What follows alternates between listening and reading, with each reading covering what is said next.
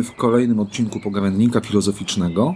Temat szczególny i szczególny gość. Gościem jest pan dr Zbigniew Pietrzak z Instytutu Filozofii Uniwersytetu Wrocławskiego. Witamy Zbyszku. Dzień dobry, dzień dobry wszystkim. A tematem są ptaki.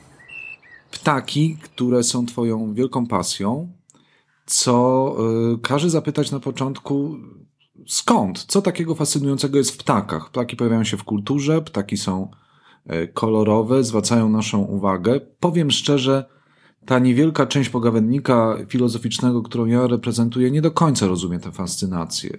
Byłem kiedyś nad Biebrzą ze znajomymi, którzy z wielkim zaoferowaniem pokazywali mi jakiś punkcik na niebie i mówili, zobacz, zobacz. Dostawałem lornetkę, no jakoś tego bakcyla nie chwyciłem. Co takiego jest, że jednak niektórzy tak bardzo fascynują się ptakami? No jak to z zasadniczymi pytaniami bywa, tak, to jest najtrudniejsze pytanie i najtrudniej na nie odpowiedzieć. Powiem w ten sposób. Ja ptakami zainteresowałem się, czy interesuję się od zawsze. To, to chyba będzie najlepsza, najbardziej precyzyjna moja y, odpowiedź.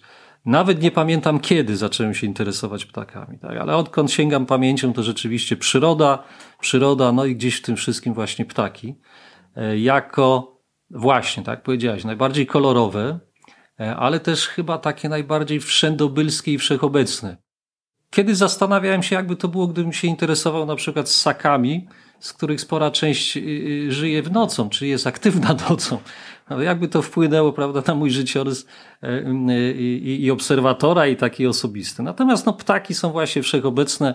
Większa część z ptaków e, to są stworzenia dzienne, albo przynajmniej gdzieś tam e, o świcie jest najbardziej aktywna. Niewiele gatunków, przynajmniej tutaj w naszej szerokości geograficznej, to są, to są zwierzęta nocne. E, więc pewnie dlatego, tak? No, nie chcę powiedzieć, że idę na łatwiznę i ptaki, bo najprościej obserwować. No, spójrzmy za okno. No, no to od razu można byłoby dostrzec 4-5 gatunków, gdybyśmy się bliżej przyjrzeli, może nawet trochę więcej gatunków. Proszę Państwa, ja nie widzę żadnego. Aha. E, tak, liście nam zasłaniają, ale ja już sobie wyobrażam, za tymi drzewami tam latają gołębie, kawki, pewnie wrony też są, sikorki, kosy, no więc można było, jeżyki na pewno, więc można byłoby e, tych paru gatunków, parę gatunków tu, tu w centrum miasta zaobserwować. Po, pozwolę sobie wyjaśnić, że to nie była ironiczna z mojej strony uwaga, bo pamiętam kiedyś w zeszłym roku siedzieliśmy u mnie w ogrodzie. Momentalnie zauważałeś ptaki, potrafiłeś je nazwać, rozpoznać po śpiewie. Dla mnie to, przepraszam, listowie widziałem, jakieś ćwiergotania, ale niewiele więcej. Powiedz, jak wygląda życie człowieka, który interesuje się ptakami? Bo rozumiem, że obserwujesz, również zajmujesz się nimi naukowo, znajdujesz ślady w myśleniu o ptakach, również w filozofii. To ta aktywność ornitologiczna do czego się sprowadza, oprócz, oprócz patrzenia przez okno? Więc to jest taka wielowymiarowa i wieloaspektowa działalność czy aktywność y, obserwacyjna. E, są zapaloni, jak to się mówi, ptasiarze, obserwatorzy, E, którzy właściwie są nieustannie aktywni przez cały rok. To są ci, którzy potrafią przejechać pół Polski albo pół Europy, żeby zobaczyć jakiś gatunek i zaliczyć go, wpisać na swoją listę.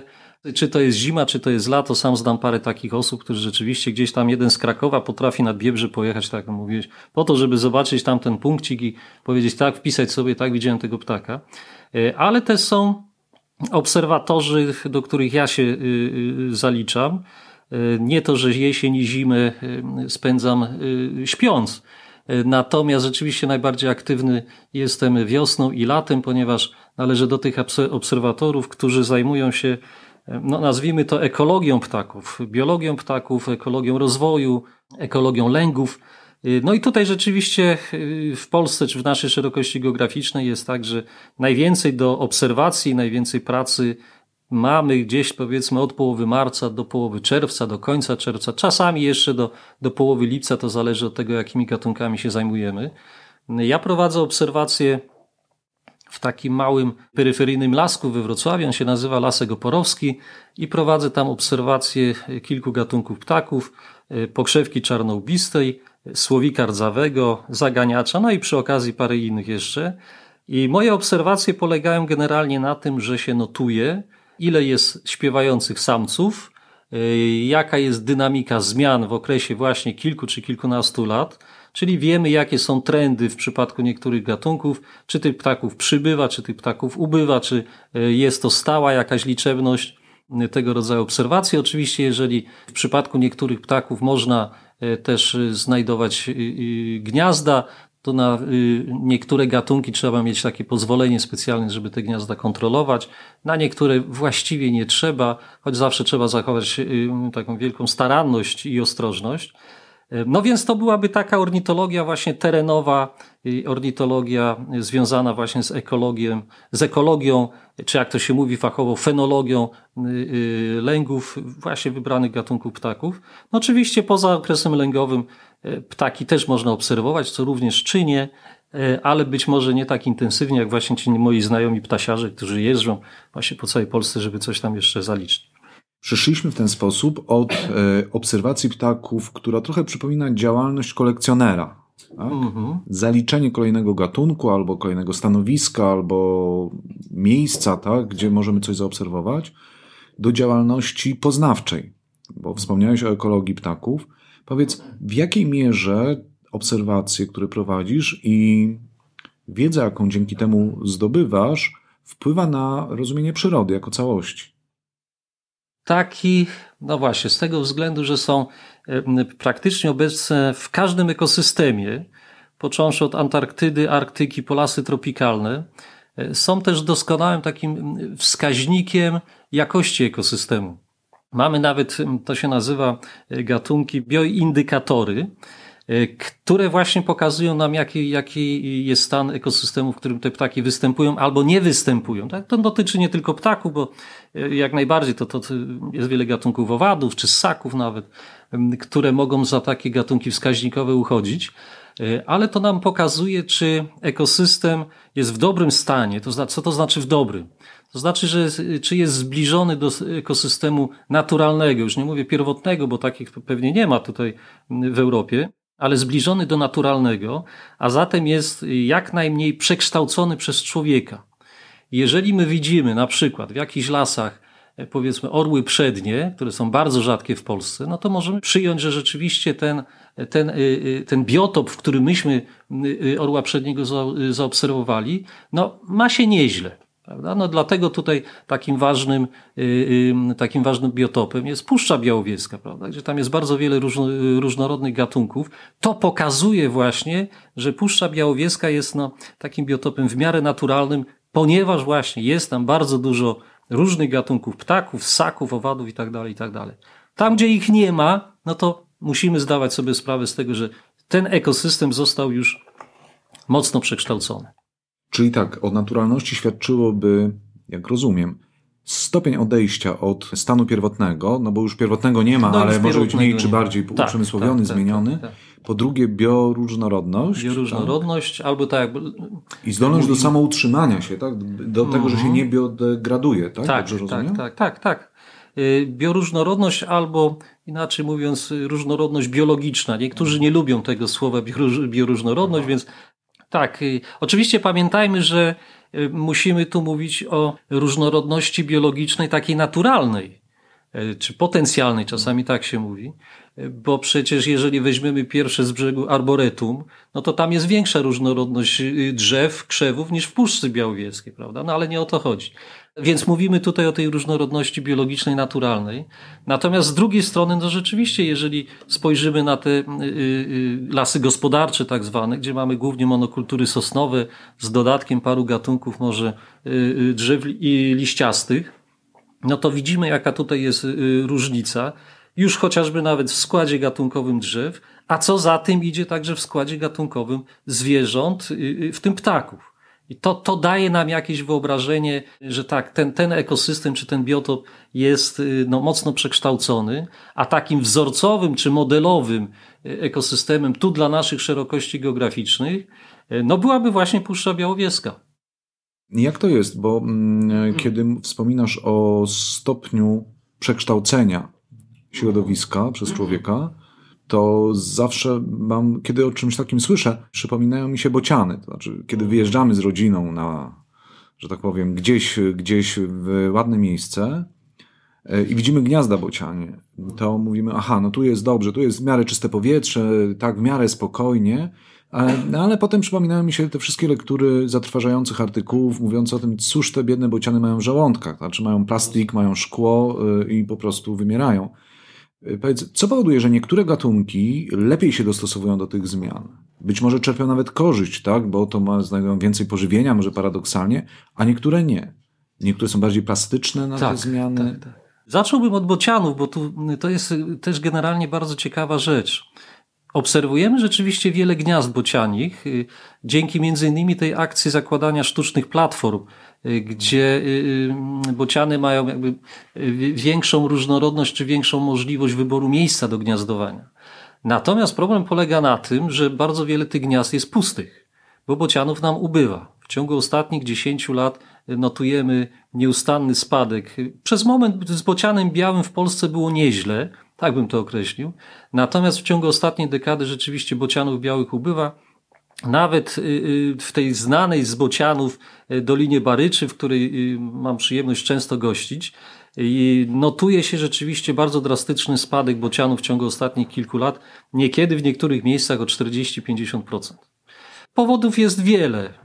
Między innymi to, o czym mówisz, właśnie to przekształcanie siedlisk, osuszanie bagien, osuszanie łąk, czy w ogóle likwidowanie łąk, Y, chociażby nawet, czy tak zwanych nieużytków, tak, o ile coś takiego istnieje, tak zwanych nieużytków, likwidowanie na przykład pod zabudowę y, willową, czy pod zabudowę tych, tych małych osiedli, takich domków jednorodzinnych.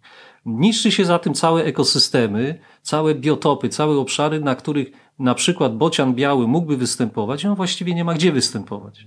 Miejsce do żerowania, miejsce rozrodu, no oczywiście dla ptaków wędrownych miejsce do zimowania to są, y, to są trzy zasadnicze elementy, które decydują o tym, czy y, te ptaki, mówimy o ptakach, ale dotyczy to wszystkich organizmów, czy te ptaki będą liczebnie wzrastać, czy też będą liczebnie y, maleć, ich liczebność będzie spadała.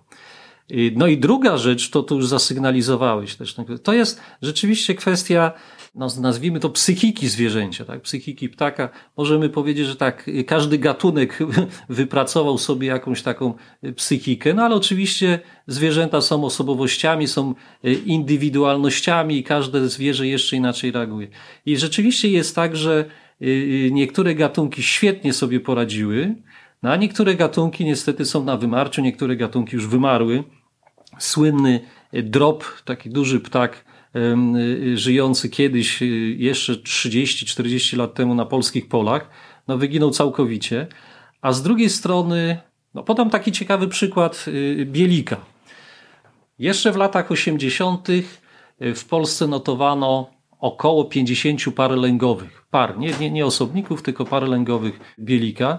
W tej chwili, czyli po tych 30 paru latach, no to jest około 1000-1200, no 1200 par Y, nikt do końca tego nie jest w stanie policzyć, więc to są zawsze dane takie szacunkowe, no ale widzimy tutaj wyraźny progres, nawet niech to będzie wzrost dwudziestokrotny. I chciałby się zapytać, no cóż takiego się stało, że mamy taki wzrost liczebności bielika. No przecież nie jest tak, że zwiększyła nam się jakoś y, wybitnie lesistość, gdzie, gdzie bieliki się gnieżdżą pojawiło się bardzo wiele pustych, niezaludnionych miejsc. No nie, jest wręcz przeciwnie, prawda? Coraz więcej miejsc jest zabudowanych, zabudowywanych, zagospodarowywanych, szczególnie w ciągu ostatnich 20 lat. E, no jednak bielików jest więcej. No, można byłoby powiedzieć tak, przyzwyczaiły się do obecności człowieka. Po prostu nie boją się już panicznie człowieka. Co prawda, ten dystans ucieczki jest w dalszym ciągu bardzo duży, ale potrafią zakładać gniazda tam, gdzie nie zakładały jeszcze właśnie 30 lat y, temu. E, potrafią żerować tam, gdzie nie żerowałyby jeszcze 30 lat temu ze względu na obecność człowieka. W tej chwili no, wygląda na to, że zaakceptowały właśnie obecność człowieka. I to jest chyba klucz do, do e, zwycięstwa, zwycięstwa gatunku. Zaakceptowanie człowieka, obecności człowieka, przyzwyczajenie się do tego, że człowiek jest, że jest o każdej porze dnia i nocy, jest praktycznie w każdym miejscu. No i jakoś z tym człowiekiem trzeba sobie życie ułożyć i przyzwyczaić się do człowieka. Nie da się go wyeliminować, więc trzeba go polubić. No, tak, tak bym powiedział. A z drugiej strony też jest prawdą, że człowiek zmienił swój stosunek do zwierząt. Nie niszczy się już lęgów, nie niszczy się już gniazd, e, nie zabija się ptaków od tak dla przyjemności, choć rzeczywiście przypadki kłusownictwa i przypadki strzelania do bielików trafiają się, jasne, no ale nie, nie jest to już takie nagminy. Powiedziałbym, że raczej to są takie bardzo niechlubne wyjątki, ale jednak wyjątki. Nie ma już takiego celowego, bezmyślnego niszczenia, niszczenia i siedlisk ptasich, i, gniazd ptasich, żerowisk ptasich i tak dalej, i tak dalej. To, co wspomniałeś o tym, że skoro nie można człowieka wyeliminować, to trzeba do niego się przyzwyczaić, go polubić Może i to polubić jest nawet. strategia ptasia na przeżycie. Każe mi spytać o y, nieco inną, bardziej ogólną rzecz. Fascynacja ptakami bardzo często idzie w parze z takim wielkim zauroczeniem przyrodą, skądinąd bardzo cennym. Mhm. i głoszonymi hasłami powrotu do natury. To znaczy, no wiesz, czy niektórzy nocują, robią biwaki, Tak, inni tak, chodzą tak, tak. boso po runie leśnym, po, mówimy o powrocie do natury. Żeby nie sięgnąć daleko, no Rousseau twierdził, że się nie da, tak? No nie wrócimy y, spać pod dębem, nie będziemy żywić się żołędziami, jak Tak, dziki. Tak. E, Powrócić się nie da. No więc właśnie, jak rozumieć to hasło? I jakbyś oceniał z punktu widzenia ekologii Mhm. tego rodzaju dążenia do przywrócenia tej więzi człowieka z naturą? E, No, tu mam taki bardzo ambiwalentny stosunek do, do tego trendu czy tej mody powrotu do, do natury. Rzeczywiście mamy dobre i złe strony tego, tego, tego takiego podejścia, tak, czy nowego, czy starego, ale tego podejścia do, do natury.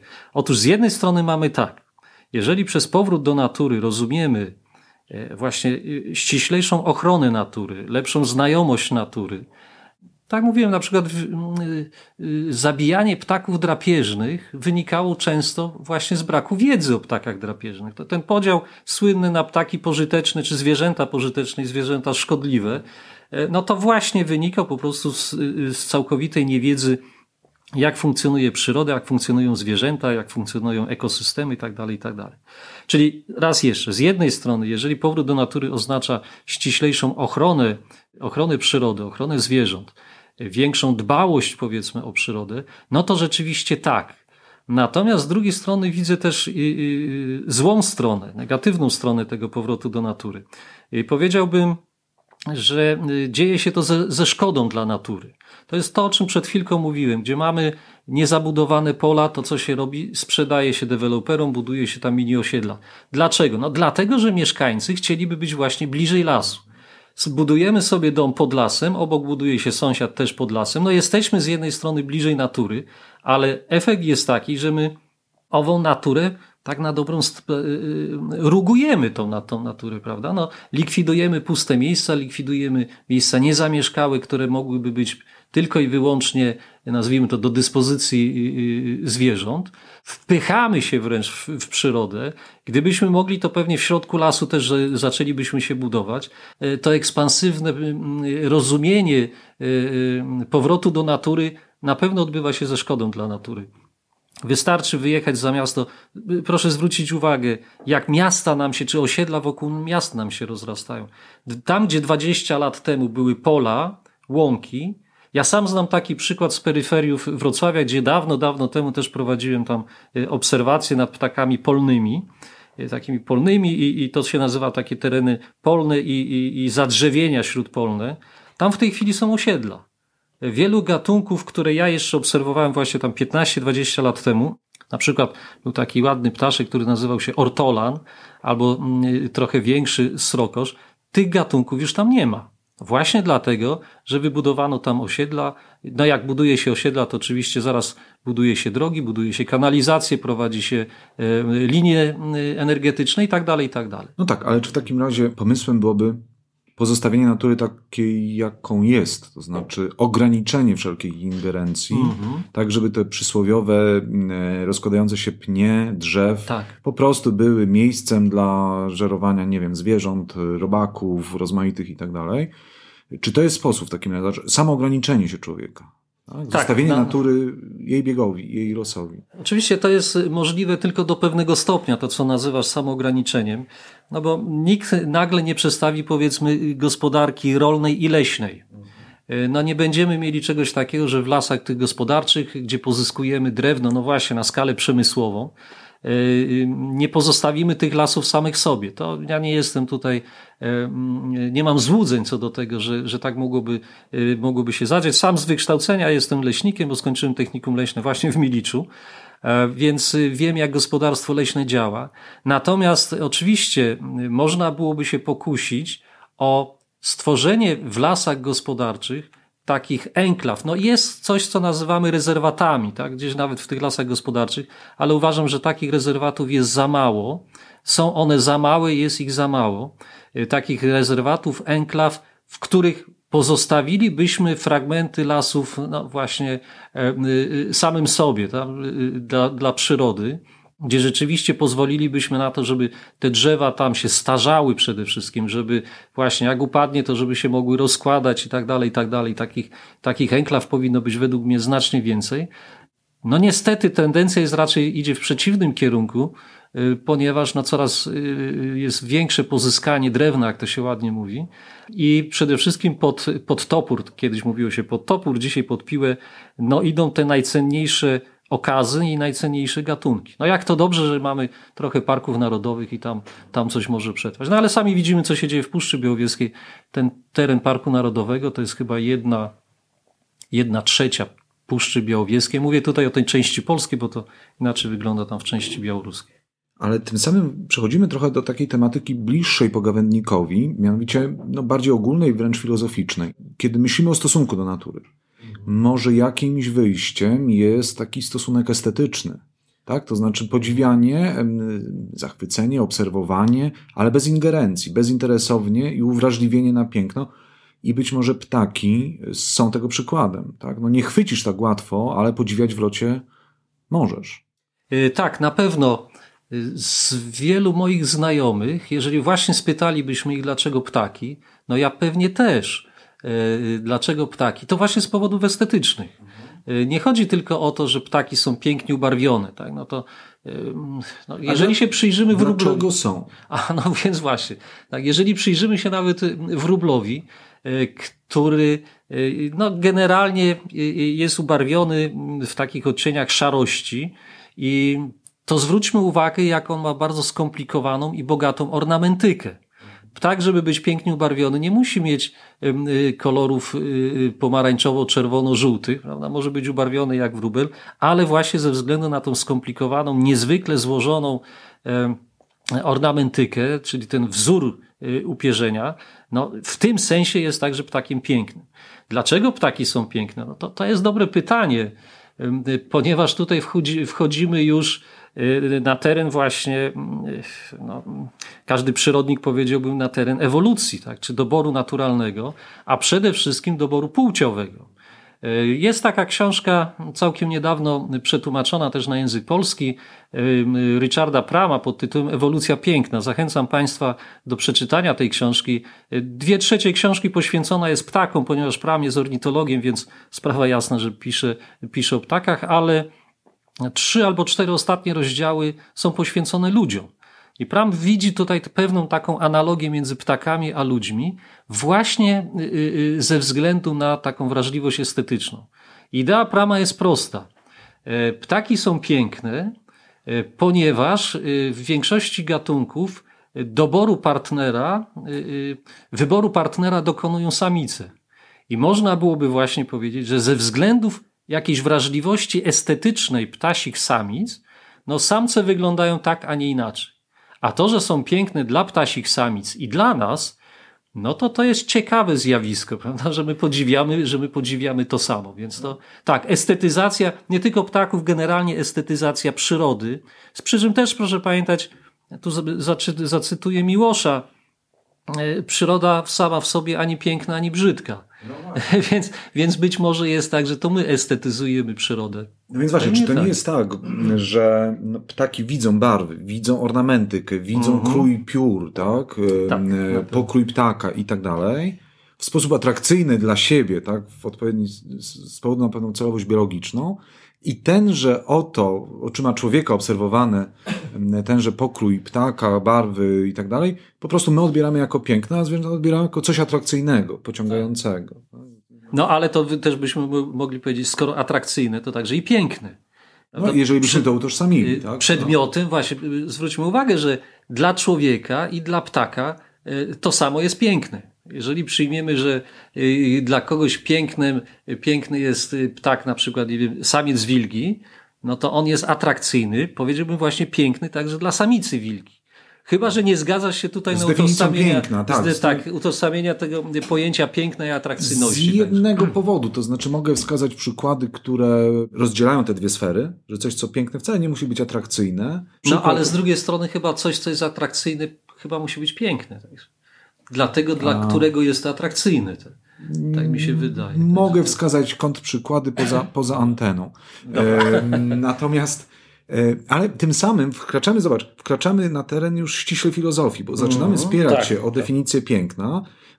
Mój zarzut jest taki, że taka naturalizacja estetyki prowadzi do tego, że że jakby ona nie przestaje być sferą czysto ludzką, mm -hmm. tak? Kiedy kotu przeczytam tak. wiersz, on usłyszy ten wiersz. Już nie mówię, że go nie zrozumie, bo to jest jasne, ale jakby nie zachwyci, czy, e, odtworzę mu fragment muzyczny, on usłyszy, natomiast no, nie jestem pewien, czy usłyszy pewne harmonie, które... No raczej nie, ponieważ, no ponieważ on jest wyskalowany na inne harmonie. Swoją drogą, swoją drogą. E, to, to, to jest inna rzecz, że chociażby, nie wiem, widzenie w innym zakresie światła, tak, tak czy, czy słyszenie w innym zakresie dźwięku powoduje, że, że to przenoszenie doświadczenia ludzkiego nie jest takie oczywiste. Tak, to, to, to zgadzam się, co, tak, zgadzam się. Natomiast prowadzi to nas do pytań ściśle filozoficznych. Otóż mówimy o estetyzacji przyrody, mówimy o powrocie do natury. To są już pytania bardzo ogólne. I cały czas kołacze mi, kiedy rozmawiamy, kołacze mi takie oto pytanie, cóż filozofowi po ptakach? Bo jesteś filozofem, e, Zdradzę Państwu, e, pan doktor e, zajmuje się również filozofią nauki Roberta Boyla, XVII-wiecznego ojca założyciela nowoczesnej chemii i jest jeden ze współtłumaczy chemika sceptycznego, podstawowego dzieła tego myśliciela. E, no ale właśnie, bo to jest tak. Ja lubię chodzić do opery, chociaż na operze się nie znam i brak mi pojęć, żeby o tym opowiadać, choć wpadam w zachwyt. Czy ta fascynacja ptakami jest takim właśnie hobby, czy to jest, czy to się da przekuć w pewną naukę filozoficzną? Czy, czy nauka o ptakach, ornitologia mówi coś o, ma pewien ładunek filozoficzny? Mam na myśli, nie wiem, systematykę na przykład. Problem taksonomii, problem myślenia o tym, jak dzielić gatunki, tak? jak uporządkowana jest natura. Po pierwsze, to można byłoby powiedzieć w ten sposób, że no, w ogóle badania przyrody, e, czy to będą właśnie obserwacje ptaków, czy, czy badanie całych ekosystemów, można wpisać w takie szersze ramy czegoś, co nazywamy filozofią przyrody. E, oczywiście nie mylmy tutaj y, treści które formułują nauki przyrodnicze z samą filozofią przyrody, ale sądzę, że dzisiaj chyba niewielu byłoby filozofów przyrody, którzy y, y, abstrahowaliby od tego, co, co mówią nam przyrodnicy. Zatem przyrodnicy to, co, to, co mówią właśnie, powiedzmy, ornitolodzy, zoolodzy, czy generalnie powiedzmy ekolodzy, w jakimś sensie no, mają swój wkład w rozumienie przyrody i filozofii przyrody. To, to na pewno. Problem, o którym też powiedziałeś, taki czysto filozoficzny, wręcz y, nawet ontologiczny, y, czyli y, klasyfikacja. Jak tutaj dokonać klasyfikacji? O jakie, wedle jakich kryteriów? Czym jest gatunek? Prawda? Tutaj czym jest pojęcie gatunku biologicznego? W latach 40. Ernst Mayr nad tym pracował. On stworzył zresztą definicję, która z drobnymi zmianami funkcjonuje do dzisiaj, definicję gatunku biologicznego proszę zobaczyć, dopiero w latach 40. XX wieku. Oczywiście pewne intuicje, czym jest gatunek, już były wcześniej, natomiast, na, natomiast on podaje tutaj definicję, która raz jeszcze no, została zmodyfikowana, no, przede wszystkim dlatego, że rozwinęła się genetyka i tutaj genetyka dzisiaj jest tą nauką podstawową. To ja wpadnę od razu ci w słowo. Czym jest gatunek biologiczny? Bo intuicyjnie rozumiemy, tak? Ale to bardzo intuicyjnie. I wydaje mi się, że intuicyjnie, kiedy nie mamy podstaw naukowych, co rodzi pytanie, czym jest naukowość tutaj, e, opiera się chyba na podobieństwie, tak? Te i te są bardziej podobne do siebie, a różne od tamtych, tylko że to jest myślenie przeddarwinowskie, to jest no, myślenie bardzo stare. No więc właśnie. To jak należałoby myśleć o gatunkowości? Y, no więc y, Mayer w latach 40. on był ornitologiem, w związku z tym ta definicja y, właściwie świetnie pasuje nie tylko do ptaków, ale generalnie powiedzmy do kręgowców, a przede wszystkim do tych, które rozmnażają się płciowo. Dlatego też no, potem musiała trochę być przeformułowana, ale ta definicja mówi nam tak, że do jednego gatunku zaliczamy te osobniki, które w naturze potrafią się łatwo krzyżować, i wydawać potomstwo. Potem doszło jeszcze do tego to, ta uwaga, że płodne potomstwo. Tak? Bo no to, tak, bo jak muła sobie przypomnimy, no, wie, więc właśnie. Nie powiem o jumarach, które przestały istnieć, ale zasiedlały karty rozmaitych książek przez setki lat, e, czyli krzyżówka byka z klaczą chyba, tak, o ile mm -hmm. dobrze pamiętam. A wspomnę Państwu również o moim ulubionym przykładzie, to z e, Johna Locke'a, znanego nam filozofa, który stwierdza absolutnie z pewnością siebie, tak, sam widziałem, nie, nie doniesienia, sam widziałem krzyżówkę kota i szczura. No to, to było ciemno prawdopodobnie. Czyli tak, potomstwo, płodne potomstwo. Tak? tak, dodajemy dzisiaj do tego, że płodne potomstwo, no ale mamy też pewien y, problem. Otóż y, mamy tak zwane gatunki bliźniacze, które uznajemy za odrębne gatunki, ale jednak nadal potrafią się krzyżować w odpowiednich warunkach, czy powiedzmy na takich obszarach, gdzie, gdzie, gdzie występują oba gatunki, a na przykład brakuje samic jakiegoś y, gatunku, więc samce tego bliźniaczego gatunku potrafią się kojarzyć z tymi samicami. To na przykład y, występuje u słowika rdzawego i szarego. Tutaj Czesi akurat mają duże osiągnięcia na polu badań tego, tego zjawiska. I okazuje się, że to potomstwo jest płodne. Czyli mają swobodę krzyżowania się, y, rozmnażają się i co więcej, w następnym pokoleniu te, te ptaki też się mogą rozmnażać. No więc pytanie, czy to jest jeden gatunek, czy jednak to są dwa gatunki. No i tutaj genetycy mają ostatnie zdanie, bo jeżeli oni uznają, biorąc pod uwagę to kryterium genetyczne, że to są odrębne gatunki, no to rzeczywiście to przyjmujemy, że to są odrębne gatunki. No ale chodzi o, przepraszam, chodzi o różnice w materiale genetycznym, tak, znaczy, że większe tak, tak, tak, między tak, gatunkami tak, są. Tak, tak. Ja tu dokładnie nie znam, nie jestem genetykiem, ale parę razy miałem okazję y, słuchać. No, nigdy nie było czasu, żeby rzeczywiście y, szczegółowo sobie to przeanalizować. No, może po tej rozmowie akurat to będzie dobry pretekst, żeby, y, żeby do tego sięgnąć. Ale rzeczywiście jest tak, że no mamy ten, niekiedy mamy ten problem dotyczący gatunku, no a jeżeli przyjmiemy, że gatunek jest tą podstawową jednostką taksonomiczną, no to to się przenosi później na wszystkie pozostałe y, y, jednostki. E, a zatem, no na czym opierać tutaj nasze klasyfikacje? E, no to jest y, pytanie tyleż właśnie filozoficzne, co metodologiczne, ale także no takie pragmatyczne, prawda? No świat klasyfikujemy, porządkujemy świat, no bo tak jest nam wygodniej, tacy jesteśmy. Michel Foucault mówił o tym, że klasyfikując, y, my racjonalizujemy świat, prawda? Porządkujemy. Świat nie jest, nie rozpada nam się na y, nieskończoną różnorodność niepowiązanych ze sobą elementów, tylko wszystko ze sobą jakoś współgra. Czy tak jest w przyrodzie, a zatem, czy taka jest ontologia przyrody, czy to jest tylko nasza wizja i nasza konstrukcja, no to to jest właśnie filozoficzne, ściśle filozoficzne pytanie, właśnie wchodzące już w zakres ontologii świata, czyli właśnie filozofii przyrody, ale także metodologii, E, także właśnie filozofii nauki, czy powiedzmy ogólnie teorii poznania, epistemologii i tak dalej. To, to, nam się to, to nam się y, otwiera całe pole do, do dyskusji. Jaki ten świat jest w rzeczywistości, prawda? Czy on jest taki, jaki my go widzimy, czy to, co my widzimy, to jest tylko pewien konstrukt mniej lub bardziej luźno powiązany z, z, z otoczeniem. Zakładam, że nie jesteśmy solipsystami, nie powiemy na dzień dobry, że wszystko jest naszym wytworem i, i tyle. Ale, ale problem jest. Problem, problem jest ciekawy. A w którym miejscu, pytanie może wydawałoby się trochę prostsze, czy, czy mniejsze zakresowo. W którym miejscu, w którym momencie, czy, czy, czy kiedy nastąpiło przejście od opisu mitycznego do naukowego? Pozwól, że rozwinę to, to pytanie o jedną obserwację, czy jedno wspomnienie. Mianowicie, kiedy przyglądamy się mm, e, badaniom przyrody w wieku, powiedzmy, zaryzykowałbym XVI-XVII, to mamy przejście, jak dowodzą niektórzy badacze, od takiego myślenia emblematyczno-symbolicznego do myślenia, no powiedzmy, obserwacyjnego chociażby. To znaczy, kiedyś było, była sprawa prosta, czym jest lew, to wiadomo, zwierzę królewskie, Biblia o tym pisze, antyczni y, autorzy również, w ogóle nie trzeba było się rozglądać. No, mniej więcej tak wiedziano. Kiedy przywożono nowe gatunki fauny i flory z Nowego Świata, których nie było widać wcześniej, których nie znano, to mm, e, ty masz słynny przykład dziobaka, ja mam słynny przykład kazuala, po prostu nie wiedziano jak to opisać, bo a, a nikt o tym nie, nie, nie pisał wcześniej e, i zaczęto się przyglądać. I to widać nawet w rycinach ptaków gdzie wcześniej były tak zarysowane, przepraszam, jak orzeł na denarze Mieszka pierwszego. Jedną kreską, dwie nóżki, dziób i wiadomo, i to, to jest orzeł, a wyglądał nie wyglądał, proszę Państwa. Znaczy wygląda jak wróbel albo cokolwiek, jak każdy ptak. A z czasem coraz dokładniej, bo zaczęto różnicować, tak? I teraz no, dla mnie takim początkiem, ale skoryguj proszę, bardzo, bardzo tylko niejasne intuicje. Tym pierwszym krokiem było przejście do takiej no, wnikliwej obserwacji chociażby. Tak, tak. Kiedy mamy do czynienia z ornitologią jako właśnie już dziedziną nauki? Myślę, że tak. Można byłoby to opowiedzieć o tym w trochę szerszym kontekście, ponieważ ornitologia, kształtując się gdzieś tam na przełomie XVI-XVII wieku, właściwie reprezentuje no, pewien typ czy pewien model y, kształtowania się wiedzy przyrodniczej w ogóle. Tak? To no właśnie. taki szczególny przypadek.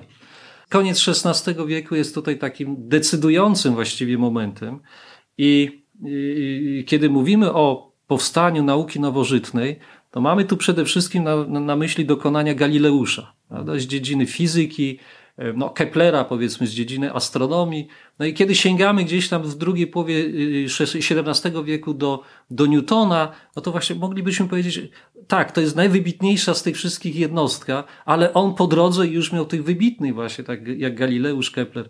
E, własna obserwacja, krytyczne myślenie i przede wszystkim pozbycie się czy przynajmniej osłabienie tego nabożnego szacunku do autorytetu. Czyli z jednej strony Arystotelesa, z drugiej strony Biblii. Samodzielne myślenie, samodzielna obserwacja, e, krytyczne myślenie, krytyczne. To, co robi, powiedzmy, Galileusz y, w fizyce, raz jeszcze, Kepler w astronomii, e, to w przyrodoznawstwie, no mamy tutaj Herweya, który przecież e, prowadzi wiwisekcję, no dla nas jest to rzecz okrutna, no ale wówczas tak postępowano. E, i nagle odkrywa e, e, obiegi krwi.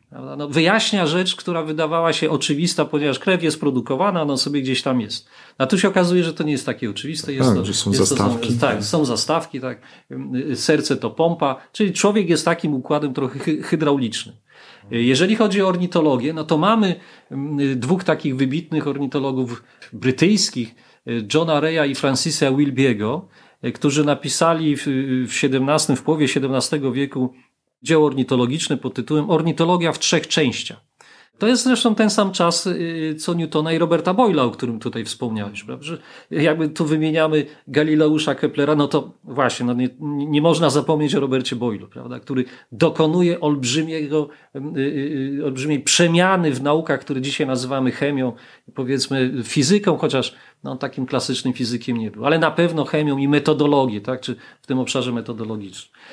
Można byłoby powiedzieć, że właśnie Ray i Wilby to są takimi y, y, odpowiednikami Galileusza w fizyce. Oni dokonują y, pewnego przeformułowania podejścia do obserwacji, do klasyfikacji, bo oni na przykład biorą pod uwagę już nie tylko podobieństwo wyglądu, nie tylko także anatomię, ale przede wszystkim środowisko, w jakim ptak żyje, czyli po prostu ekologię. Proszę zobaczyć, to jest połowa XVII wieku, a oni myślą już w kategoriach wieku XIX i XX. Tam tylko wystarczyłoby wrzucić y, Darwina i mielibyśmy dokładnie współczesną, y, y, no dzisiaj dorzucimy jeszcze oczywiście genetykę, tak, no oni nie, nie mówili o genetyce, ale mielibyśmy już bardzo współcześnie brzmiącą ornitologię i to byłby ten moment właśnie, ten przełom XVI, cały XVII wiek, czyli odejście od tego takiego bezkrytycznego, sakralizującego przyrodę, tej, tej, tej wizji tej przyrody, właśnie takiej z Biblii, czy z Arystotelesa, czy z mitów, na wiedzę opartą na obserwacjach, krytycznym myśleniu, analizie, anatomii itd. Tak itd. Tak no tak, z jednej strony, kiedy czyta się współcześnie Arystotelesa, to przychodzi do głowy taka myśl, że on miał taką właśnie biologistyczną wizję natury, tak? tak? To znaczy wszystko jest złożeniem materii i formy, forma jest również siłą dążącą do entelechii, do realizacji pełnej, ale cały czas się właśnie powtarza, że, że to jest myślenie takie biologizujące, tak? natura no, jest uporządkowana celowościowo i tak dalej, w sobie zawiera zasadę ruchu i kiedy czytamy Arystotelesa, znaczy, to powiem Państwu inaczej. Kiedy ja czytam Arystotelesa, to zaskakuje mnie, y, bo nie wiem, czy tak każdy ma, tak? On jest niezwykle wnikliwy to dla nas to jest, wiesz, y, wielki, wielki, wielki filozof, wielki uczony starożytności i nie możemy na jego autorytecie się opierać, no ale w swoich czasach był niezwykle wnikliwym obserwatorem, chociaż jak można mu zarzucić, to o czym wspomniałeś, nie spełniał jednego kryterium, mianowicie On konstruował teorie, krytykował wszystkie teorie wcześniejsze, natomiast nie było czegoś takiego jak goły fakt obserwacyjny. Nie prowadził tego rodzaju eksperymentów, tak? No tak, ale z drugiej strony też pamiętajmy, że to sformułowanie goły fakt obserwacyjny ja wiem, oczywiście. jest metodologicznie takie bardzo wątpliwe. Bo tak? jest, oczywiście, Nie ma goły fakt. Oczywiście, że tak. E, oczywiście, że tak, ale jak gdyby przykrawał to, co obserwował do swojej mm, teorii i tak. był dosyć, dosyć mocno do niej przywiązany. Ale powiedz mi, fizyce łatwo wykazać, może jest bardziej uchwytna dla laików, takich jak ja pewne przełomowe odkrycia, no możemy mówić o Einsteinie chociaż w XX wieku. Mhm. Co po tej parze ornitologów, co po biologii, co po XVII wieku, czy właśnie można wskazać na kolejne przełomowe odkrycia? No mogę domniemywać teorię ewolucji, tak? Tak, no Potem wcześniej, genetyka. Wcześniej pamiętajmy, no, teoria ewolucji oczywiście y, ta w wydaniu darwinowskim, no jest rzeczywiście teorią rewolucyjną, jakby zrywającą z dotychczasowym, z dotychczasową wiedzą, y, z dotychczasowym postrzeganiem przyrody. To, to, to niewątpliwie.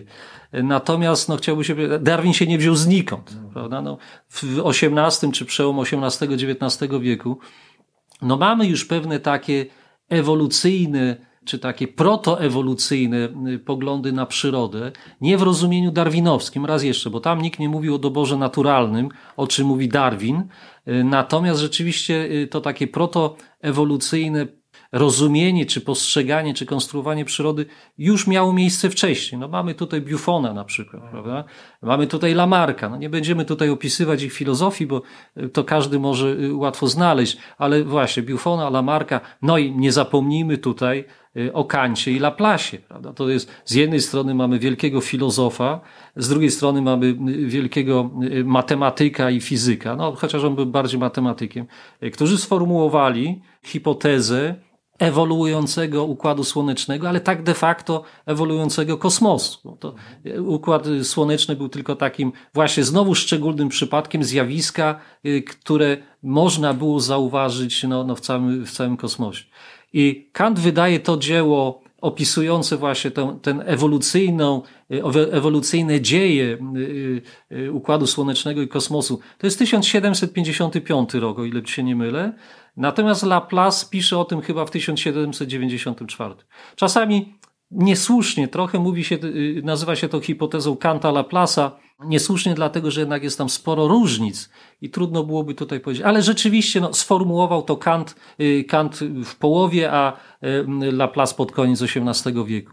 Czyli tu mamy jakieś takie jakby właśnie zaczątki tego myślenia ewolucyjnego, w tym współczesnym już rozumieniu. Tak? To nie chodzi o to, że świat ulega zmianom, bo to o tym pisano, o tym mówiły już mity, a filozofowie od początku istnienia filozofii nad tym się zastanawiali także, nad zmianą. Tylko też proszę zwrócić uwagę, filozofowie starożytni mówią o zmianach, ale szukają niezmiennego, prawda? Czyli to arche. Świat się zmienia, ale musi być coś niezmiennego. Więc tutaj to jest rzeczywiście długi, długi taki łańcuch. No oczywiście mamy tutaj Darwin, to jest 1859 rok, kiedy y, zostaje wydane o powstawaniu gatunków.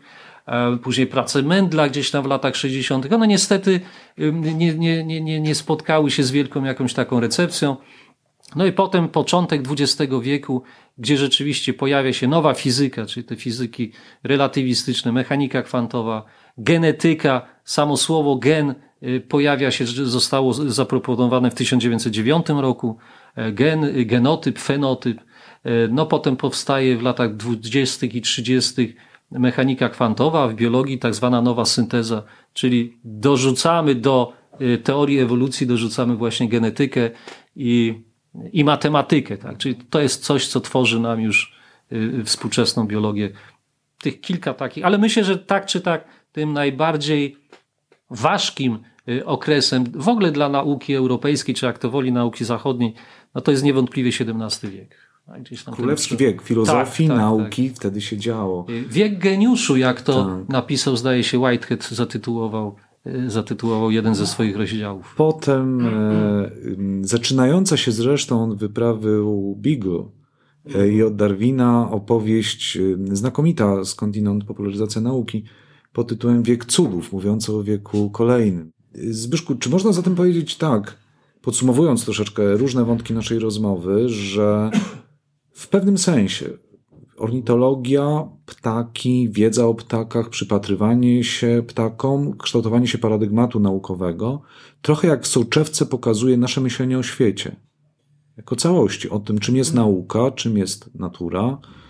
No i de facto, y, kiedy mówisz o przemianach w biologii i sytuujesz te przemiany y, biologii również na tle przemian myślenia o nauce jako takiej, mhm. zacząłeś Myślenia mówić i o... praktykowania naukowego, tak. praktyki naukowej, tak. tak. bo to tak. myślenie to, to, to, to teorety... Tak, tak, tak, tak, oczywiście. Chodzi mi o, o, o no powiedzmy, no, taki filozoficzny, bardzo abstrakcyjny namysł, czym jest nauka i tak dalej, mhm. no to zacząłeś od Reja, zacząłeś od ornitologii, czy, czy zatem, można powiedzieć tak, czy to jest, czy może przesadzam, że jeżeli byśmy dobrze poznali historię ornitologii, to byśmy poznali trochę historię nauki. Na pewno, na pewno. Dlatego, jeżeli my ornitologię potraktujemy jako właśnie dyscyplinę, jeżeli, no, to jest dyscyplina naukowa, nauk, y, dyscyplina przyrodnicza i będziemy budowali filozofię ornitologii, tak jak się buduje powiedzmy filozofię fizyki, czy filozofię, nie wiem, biologii ogólnie powiedzmy, czy fizy, y, filozofię chemii. Tak, można rzeczywiście, sam tym się zajmuję, staram się także e, skupiać na historii ornitologii, czyli nie tylko Y, y, praktykuję ornitologię gdzieś tam w terenie, ale staram się właśnie y, poznawać ten, ten, ten, ten całe takie teoretyczną, tą teoretyczną nadbudowę, konstrukcje teoretyczne funkcjonujące w ornitologii, e, ale tutaj jedna rzecz, o której wspomniałeś, czy, czy, czy, czy zasygnalizowałeś. Otóż współczesna wiedza przyrodnicza cechuje się tym, że postrzega przyrodę jako pewną całość ujmuje przyrodę holistycznie. Wbrew naszym takim powszechnym intuicjom, że nauki przyrodnicze są naukami analitycznymi, to znaczy lubimy rozdrabniać tam aż do ostatniego atomu, do ostatniego genu i tak dalej, i tak to każdy przyrodnik zdaje sobie sprawę z tego, że żeby zrozumieć zjawiska przyrodnicze, musimy te zjawiska przyrodnicze postrzegać właśnie w pewnej całości. Stąd mamy to określenie biosfery na przykład, stąd mamy określenie ekosystemu. A oprócz biosfery mamy przecież no, hydrosferę, atmosferę, litosferę i tak dalej. To wszystko dopiero w całości, poznane w całości pozwala nam jakby obejrzeć, czy zrozumieć, może to jest lepsze słowo, zrozumieć, jak działa przyroda, dlaczego zachodzą pewne zjawiska, właśnie dlaczego jedne ptaki wymierają, a drugie zradzą sobie całkiem nieźle. Dlaczego y, y, możemy mówić o czymś takim jak ocieplenie klimatu, chociaż spora część osób y, z tym się nie zgadza? No właśnie dopiero wtedy, kiedy będziemy patrzyli na to holistycznie. I tutaj John Ray i Francis Wilby sądzę, że są chyba prekursorami tego takiego holistycznego, ekologicznego, ekosystemowego spojrzenia na przyrodę. Nie można wyciągnąć ptaka z jego środowiska i zastanawiać się, dlaczego jest tak, a nie inaczej zbudowany ten ptak jest jakby skonstruowany przez środowisko, przez to, w jaki sposób się odżywia, przez to, czym się odżywia. Tak? No, dlaczego ptaki drapieżne mają zakrzywione, mocne dzioby, mają szpony, i tak, a kaczki nie? No, chciałoby się powiedzieć, wystarczyłoby tylko wrzucić tutaj y, y, Darwina, no i, no i mamy no, tą współczesną, ale współczesną ornitologię. Ale raz jeszcze, oni pokazali, po pierwsze, spojrzeli na przyrodę jako wartość badawczą samą w sobie. Nie patrzyli na przyrodę jako y, y, część jakiejś takiej pragmatycznej czy praktycznej większości. Nie. Przyroda jest y, przedmiotem badawczym, wartościowym samym w sobie. No i po drugie, spojrzeli na przyrodę jako na pewną całość. Zbyszku, jeszcze jedna rzecz. Najbardziej intrygujący ptak. Twój ulubiony. Najciekawszy Mamy 9,5 tysiąca gatunków ptaków i teraz mam strzelać. Bardzo lubię kosy, ale czy on jest intrygujący, to nie wiem. Dlaczego? Dla mnie kos jest taką kwintesencją ptaka ze względu na swój pokrój, swoje proporcje, swój, e, swój śpiew, bo e, samce kosów pięknie śpiewają. I jest w, w kosie jakaś taka właśnie kwintesencja ptasiości. To, że ma odpowiednio długi ogon, to, że ma odpowiednio długie skrzydła i tak dalej, i tak dalej. Czarny z pomarańczowym dziobem? Tak, to jest samiec. Samiec jest czarny z pomarańczowym, żółtym pomarańczowym dziobem, bo to natomiast samiczka e, jest brązowa i ma ciemny dziób, no po to, żeby się nie rzucała w oczy. To samiec ma się rzucać w oczy, tak? Nie samica. Samica, samica ma pilnować gniazda. Nie chcę, żeby zabrzmiało to antygenderowsko, ale po prostu tak generalnie tak to wygląda. Proszę Państwa, rozglądajcie się. Ja już teraz wiem, jak wygląda kos. Dziękuję bardzo.